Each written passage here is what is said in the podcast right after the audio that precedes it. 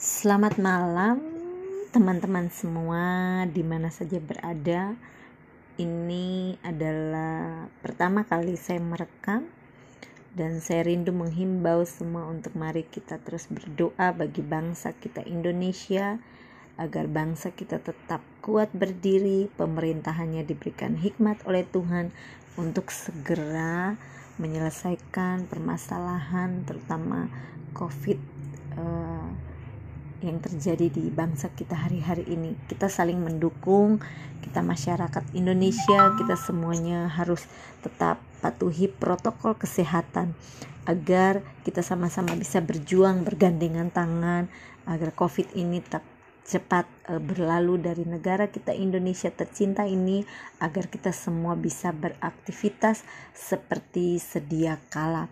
Mari teman-teman beragama apa pun kita kita percaya bahwa kita punya Tuhan yang luar biasa. Mari kita berdoa sesuai dengan keyakinan kita masing-masing. Dan kita percaya bahwa badai ini pasti berlalu, bangsa Indonesia akan bangkit kembali, perekonomiannya bangkit kembali, masyarakatnya tetap menjaga toleransi yang luar biasa yang terus terjadi di bangsa Indonesia. Kalau ada orang-orang yang coba mengacau balaukan uh, keadaan Indonesia mari sama-sama kita tentang itu. Jangan kita ikut-ikutan memprovokasi keadaan apa pun bentuknya berita-berita hoax yang tidak benar kita konfirmasi terlebih dahulu.